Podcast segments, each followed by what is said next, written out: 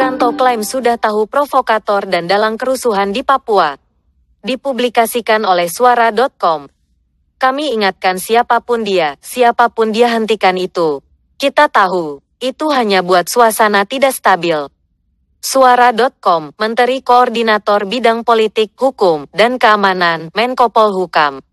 Wiranto menyebut ada pihak yang menunggangi aksi kerusuhan di Papua dan Papua Barat. Tetapi Wiranto tidak menyebut pihak yang dimaksud. Wiranto mengatakan informasi tersebut didapat berdasarkan laporan dari Kepala Bin Budi Gunawan dan Kapolri Jenderal Tito Karnavian. Tujuannya kata Wiranto, untuk membuat kekacauan di Indonesia. Pada saat kami terima laporan dari Kapolri dan Kepala BIN, memang kerusuhan ini ada yang ngomporin dan provokasi. Ada yang sengaja untuk mendorong terjadi kekacauan, ujar Wiranto di kantor staf Presiden, Jakarta, Jumat, tanggal 30 Agustus tahun 2019, malam.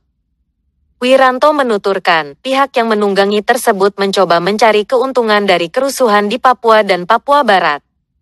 Meski tidak menyebut pihak yang dimaksud, mantan Panglima ABRI itu mengklaim sudah mengantongi siapa penunggang dalam aksi kerusuhan di Papua. Kami ingatkan siapa pun dia, siapa pun dia hentikan itu. Kita tahu, itu hanya buat suasana tidak stabil, ucap Wiranto. Ketika ditanya siapa penunggang aksi kerusuhan di Papua dan Papua Barat, Wiranto enggan menyebutkan.